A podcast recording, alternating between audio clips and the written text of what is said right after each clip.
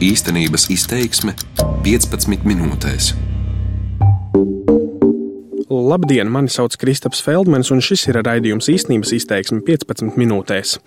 Iepriekšējā manis veidotajā raidījumā sarunājos ar četrām dzirdīgām sievietēm, nedzirdīgu vecāku meitām par to, kā ir tulkot vecāku dzīves, iesaistīties pieaugušo pasaulēs un risināt viņu problēmas. Secinājām, ka nedzirdīgu vecāku bērniem savu vecāku dzīves nav jātulko, ka tas var atņemt bērnības un kropļot attiecības ģimenē. Šajā raidījumā uz šo pieredzi lūkosimies no otras puses. Esmu uzrunājuši četras nedzirdīgas mātes ar atšķirīgiem likteņiem - Anitu Cepli, Sanitu Gabrāni, Vinetu Kozlovu un Zani Teteri. Ar viņām runāsim par to, kā nedzirdīgam cilvēkam ir audzināt bērnus, gan dzirdīgus, gan nedzirdīgus. Negribu izteikt savu vārdu. Beigās tomēr savu vārdu pateica. Šī balss pieder Lilitai Janševskai. Raidījumam intervēju nedzirdīgus cilvēkus, kuri ar balsi nekomunicē. Viņi to dara zīmju valodā, bet pirmkārt es zīmju valodu nepārzinu, un radio to pārraidīt nemaz nebūtu iespējams. Arī zīmju valodas tulku skaits ir ierobežots, tie ir ļoti aizņemti. Tādēļ, cienījamie klausītāji, nemulstiet, bet šajā raidījumā trīs personu - Zanes Teteres, Vinetas Kozlovas un Sanitas Gabrānes sacīto balsī tulkos viena persona - tieši iepriekš dzirdētā Lilita Janšēvska. Es pat esmu nedzirdīgu vecāku bērns. Tā ir ritmas eglis balss. Viņa tulko manu sarunu ar nedzirdīgo Anitu Cepli no Alūksnes. Mani sauc Anita Ceple, dzīvoju Alūksnē. Mana nedzirdība ir iegūta sešu mēnešu vecumā. Es eh, neizmantoju bērnus kā tulkus, jo es labi runāju, es varu rakstīt, Bet eh, ir daudzi vecāki, kas izmanto bērna pakalpojumus.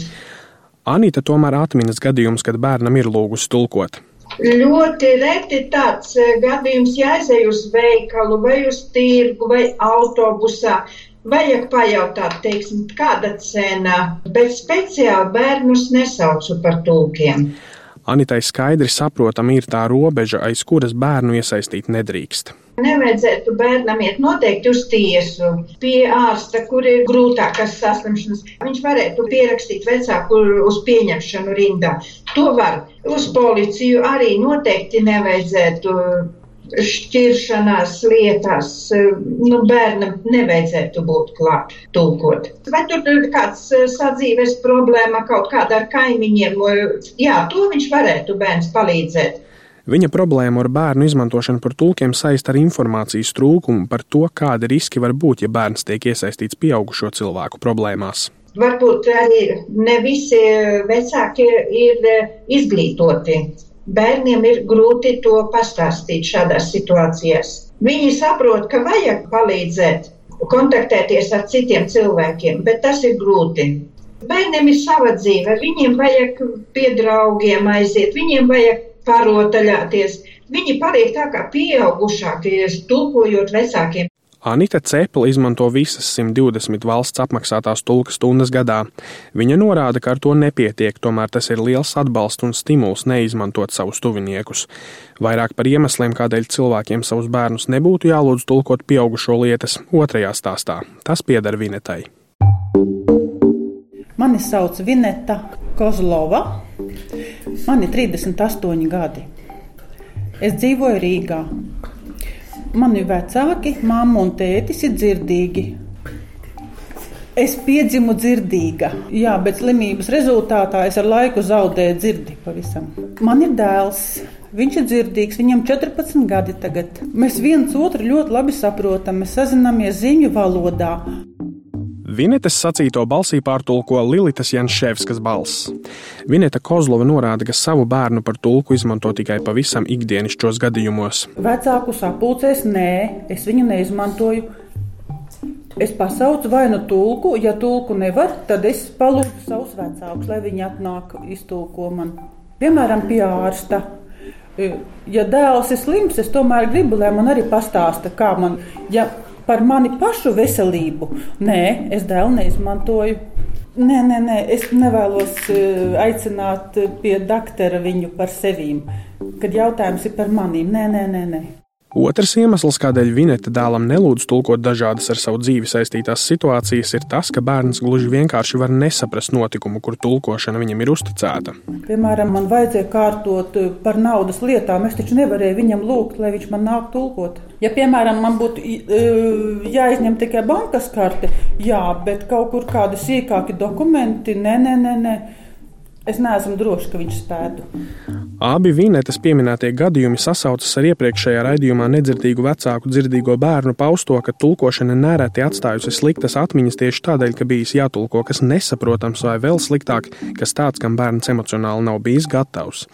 Tātad nedzirdīgu vecāku dzirdīgo bērnu likteņu un bērnības saglabāšana ir atkarīga no tā, kāda ir vecāku izpratne par savu dzirdīgo bērnu emocionālo noturību un gatavību iesaistīties pieaugušo dzīvēs.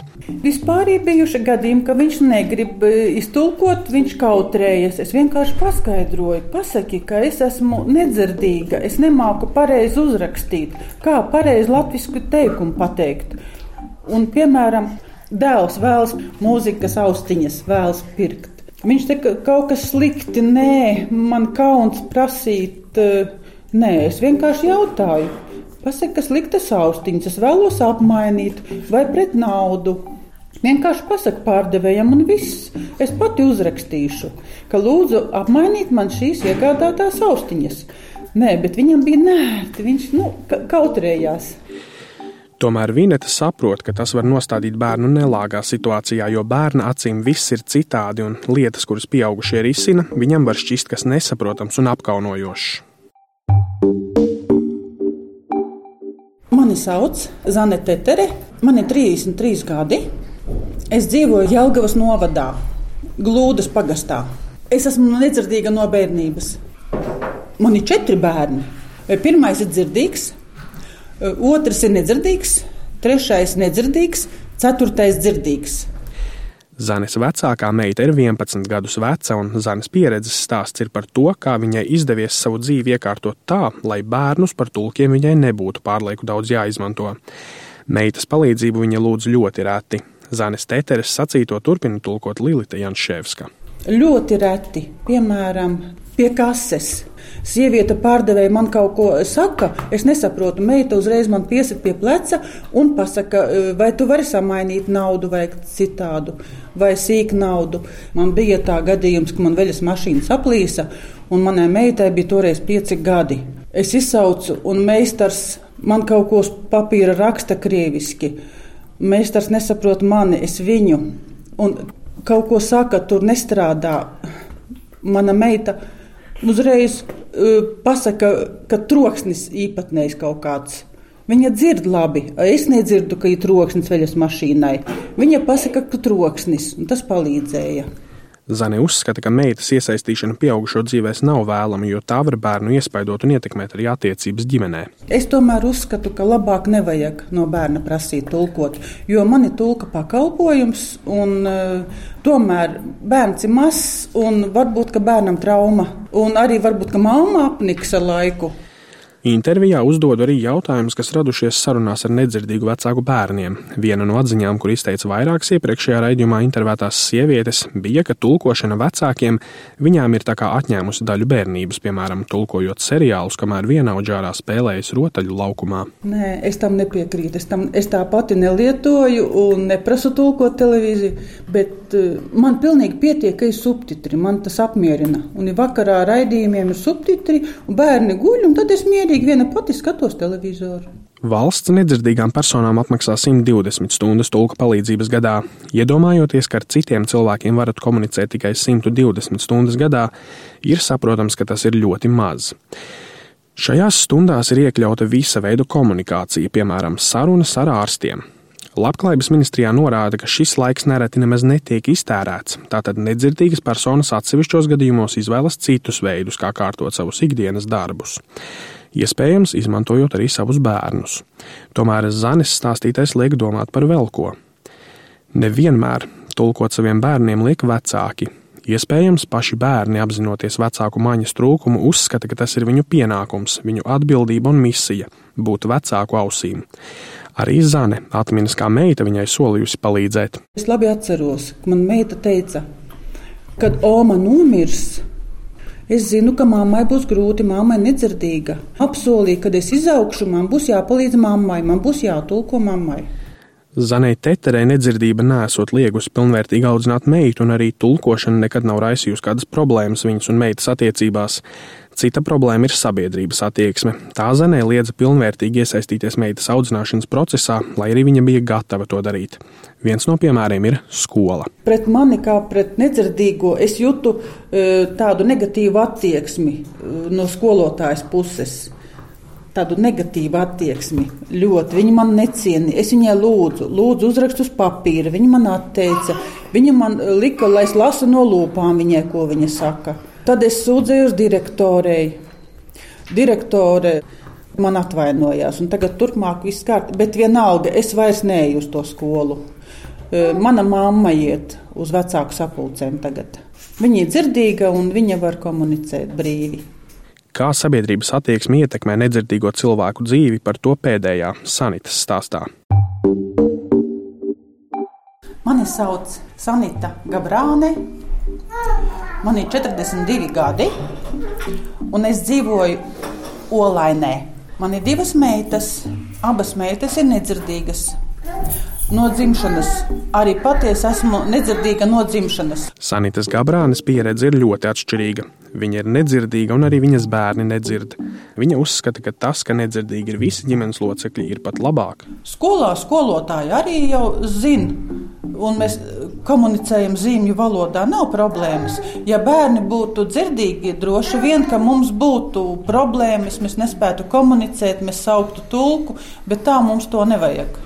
Sanita Gabrāne atminas, kā meita, pieaugot ar vien samazināja kontaktu ar dzirdīgajiem un ieslēdzās nedzirdīgo cilvēku sabiedrībā.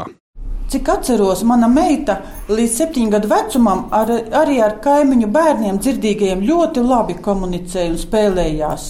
Ļoti uh, brīva atmosfēra bija.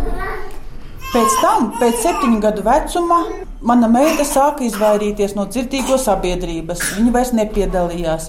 Tāpēc, ka viņas tur dzirdīgās meitenes savā starpā sarunājas, un viņa neko nesaprot, viņai garlaicīgi, viņa viena pati. Ja viens pret vienu dzirdīgo meiteni, jā, tad viņa spēja komunicēt un spēlēties. Bet tikko bija vairāk kā viena, tā mana meita bija viena pati. Nedzirdīgo nespēja iekļauties dzirdīgo sabiedrībā iemesls galvenokārt meklējams tajā, ka dzirdīgie līdzcilvēki nevēlas nedzirdīgos savā vidē iekļaut un tiem pielāgoties.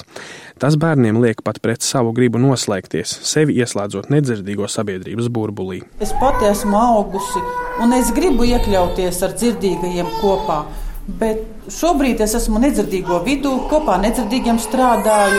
Man neiznāk kaut kur ar dzirdīgajiem. Nu, Meita ir to samierinājusies.